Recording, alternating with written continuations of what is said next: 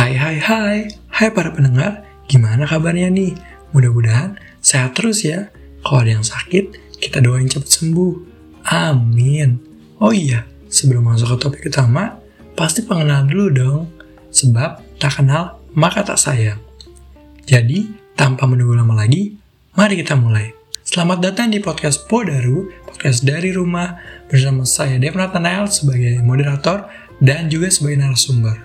Oh iya, selain saya sendiri, biasanya saya di sini, di sini ditemani oleh teman saya loh. Nah, untuk kali ini yang akan menemani saya adalah Shiva, seorang mahasiswa baru yang akan membahas topik yang berkaitan banget dengan mahasiswa baru. Jadi, langsung kenalan yuk sama Shiva. Hai Shiva, apa kabar? Sehat kan? Halo Dev, Alhamdulillah kabar gue sehat-sehat aja sih, baik-baik aja gitu. Kalau lo sendiri gimana nih kabarnya? Wah, bagus dong. Di sini, gue sehat-sehat aja. Oh iya, kita masuk ke topik utama yuk. Topik utama kali ini adalah future plan. Biasa dikenal dengan perencanaan masa depan. Ya, emang arti bahasa Indonesia-nya sih. Menurut gue, future plan adalah suatu cara orang untuk membuat target di masa depan dan cara menanggapi target tersebut. Ini cocok banget buat mahasiswa baru zaman sekarang yang bingung untuk apa yang akan dilakukan di kemudian hari. Jadi, mereka harus punya future plan terlebih dahulu. So, kita tanya yuk future plan menurut Shiva dan apa sih future plan dia di kemudian hari? Hai Shiv, menurut kamu apa sih future plan? Dan sebutin juga dong future plan kamu di masa depan nanti. Oke oke, rencana masa depan. Rencana menurut gue sih ada dua macam ya. Ada rencana yang bernyawa dan juga ada rencana tanpa nyawa. Karena gini, lo tahu gak sih rencana menurut hasibuan itu apa? Wah, gue kurang tahu nih. Jadi, rencana menurut hasibuan itu apa sih, Shiv? Gue pernah baca sih, kata beliau nih, rencana itu sejumlah keputusan yang menjadi pedoman untuk mencapai suatu tujuan tertentu. Artinya nih, segala keputusan yang udah kita pilih dari segala macam pertimbangan wajib dijadikan pedoman supaya kita bisa mencapai suatu tujuan di masa depan. Anggap aja gini, pedoman-pedoman itu adalah nyawa dalam rencana. Kalau nggak ada pedoman, rencananya nggak bernyawa. Kalau rencananya nggak bernyawa, ya akan terbang sia-sia rencananya. Oke oke, gue jadi paham banget nih sekarang pengertian rencana menurut Hasibuan. Oh iya, gue mau nanya dong Shiv, future plan lu untuk masa depan nanti. Kan lu sekarang jadi mahasiswa baru nih. Oh iya, sebelum gue bahas tentang rencana masa depan gue nih, gue pengen sedikit bahas tentang tipe-tipe mahasiswa. Lo pasti pernah denger kan tipe-tipe mahasiswa, kayak kupu-kupu, punang-punang, dan lain-lain. Gue baca beberapa artikel dan berhasil merangkum ada 14 macam tipe mahasiswa. Banyak banget kan? Wah, ada 14. Banyak juga ya. Oh iya, tolong sebutin dong. Supaya gue lebih paham dan juga para pendengar mengerti macam-macam mahasiswa yang ada di universitas. Yang pertama ada mahasiswa akademis. Yang kedua ada mahasiswa kupu-kupu. Kuliah pulang, kuliah pulang. Yang ketiga ada mahasiswa kuda-kuda. Kuliah dagang, kuliah dagang. Yang keempat ada mahasiswa kura-kura. Kuliah rapat, kuliah rapat. Yang kelima ada mahasiswa kunang-kunang. Kuliah nangkring, kuliah nangkring. Yang keenam ada mahasiswa kuman-kuman. Kuliah main, kuliah main. Yang ketujuh ada mahasiswa aktivis. Yang kedelapan, mahasiswa kucing-kucing. Kuliah cari yang bening-bening. Yang kesembilan, mahasiswa kuman-kuman. Kuliah makan, kuliah makan. Yang ke-10, mahasiswa kutu kupret. Kuliah tugas, kuliah presentasi. 11. Mahasiswa kumus-kumus. Kuliah musik, kuliah musik. 12. Mahasiswa kukur-kukur. Kuliah kursus, kuliah kursus.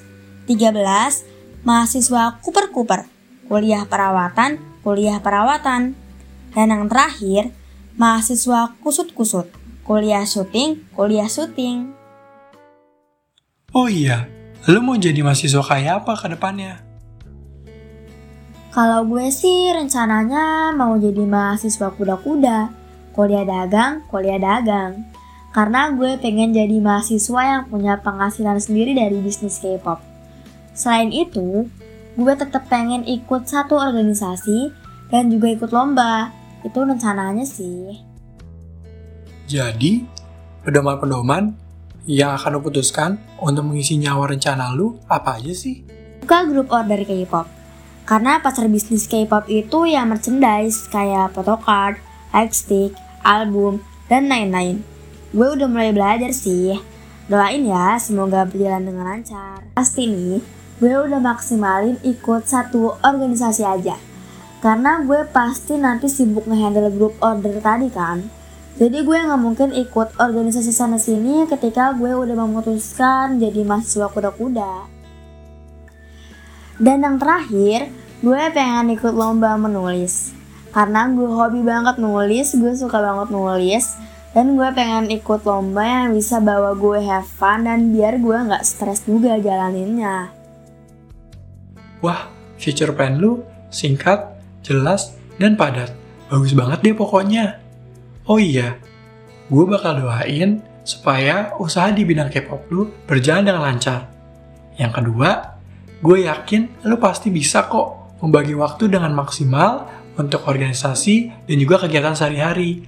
Yang terakhir nih, gue yakin para pendengar pasti sama mengharapkan apa yang gue harapkan. Yaitu, lu bisa mengikuti lomba dengan hasil yang memuaskan. Gak lupa juga, lu bisa mendapatkan piala dan dibawa pulang ke rumah. So, good luck ya untuk kegiatan ke depannya. Amin. Makasih, Dev. Ngomong-ngomong, lo mau masuk tipe mahasiswa yang mana nih, Dev? Terus kalau rencana masa depan lo itu apa sih, Dev? Boleh dong ceritain. Kalau gue mau jadi mahasiswa kucing kali ya, kuliah cari yang bening-bening. Nggak kok bercanda. Gue mungkin jadi mahasiswa yang kumus, kuliah musik, kuliah musik. Karena gue juga punya hobi di bagian musik. So, gue pengen memperkembangkan talenta gue di bagian itu. Oh iya, ngomong-ngomong soal future plan, gue mau nambahin sedikit informasi nih buat para pendengar. Future plan dibagi jadi tiga, ada pendek, menengah, dan panjang. Untuk pendek, itu 1-2 tahun, menengah 4-5 tahun, panjang itu 6-10 tahun. Untuk sekarang, gue punya dua future plan. Ya ada yang pendek dan juga menengah. Yang pendek, gue harap 1-2 tahun ke depan gue udah membangun relasi di banyak orang dan juga mendapatkan banyak teman. Dan juga gue sudah bisa aktif di organisasi. Oh iya, gak lupa juga gue udah bisa mengerti semua dasar-dasar ilmu yang diberikan di prodi teknik informatika ini. Kalau yang menengah sih 4-5 tahun ke depan, gue harap gue udah lulus dengan IPK cum laude, amin. Dan juga gue udah mendapatkan pekerjaan yang layak. Gak perlu di perusahaan besar ataupun startup-startup yang terkenal dan besar. Yang penting gue udah mempunyai pengalaman di perusahaan yang mempekerjakan manusia dengan layak. So, gue udah bisa menghasilkan sesuatu dari situ. Wah, keren banget, Dev. Semoga semuanya dilancarkan ya. Mulai dari hobi musiknya, organisasi, sampai dengan mendapat pekerjaan setelah lulus dengan IPK cum laude. Amin. Gak kerasa ya, kita udah ngobrol hampir 10 menit. Banyak banget informasi yang udah Shiva berikan, dan mungkin gue juga udah berikan kepada para pendengar. Mungkin kali ini kita harus berhenti sampai di sini podcastnya. Eits, gak berhenti untuk selama-lamanya. Mungkin ke depannya kita akan membawa podcast-podcast baru dengan topik-topik yang lebih baru lagi. So, ditunggu ya.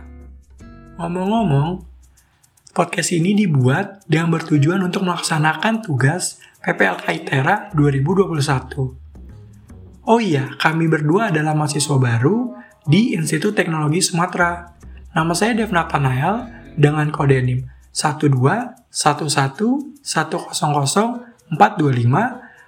Prodi Teknik Informatika dan saya Syifa Fatonah dari program studi Sains Data dengan NIM 121450113. Saya Dev, moderator podcast Podaru, podcast dari rumah. Sebelum saya mengakhiri podcast kali ini, saya ingin berterima kasih banyak kepada Shiva yang telah menemani saya sepanjang podcast kali ini, serta memberikan informasi yang sangat informatif kepada para pendengar. Mudah-mudahan informasi yang diberikan dapat berguna untuk para pendengar ya. Oh iya, kami mohon maaf apabila telah mengeluarkan kata-kata yang tidak berkenan serta menyinggung beberapa pihak kami tidak bertujuan untuk melakukan hal itu. Jadi, podcast kali ini telah berakhir, tetapi kami harap kami dapat melanjutkan podcast-podcast berikutnya dengan topik-topik segar yang dapat kami bawa kepada para pendengar.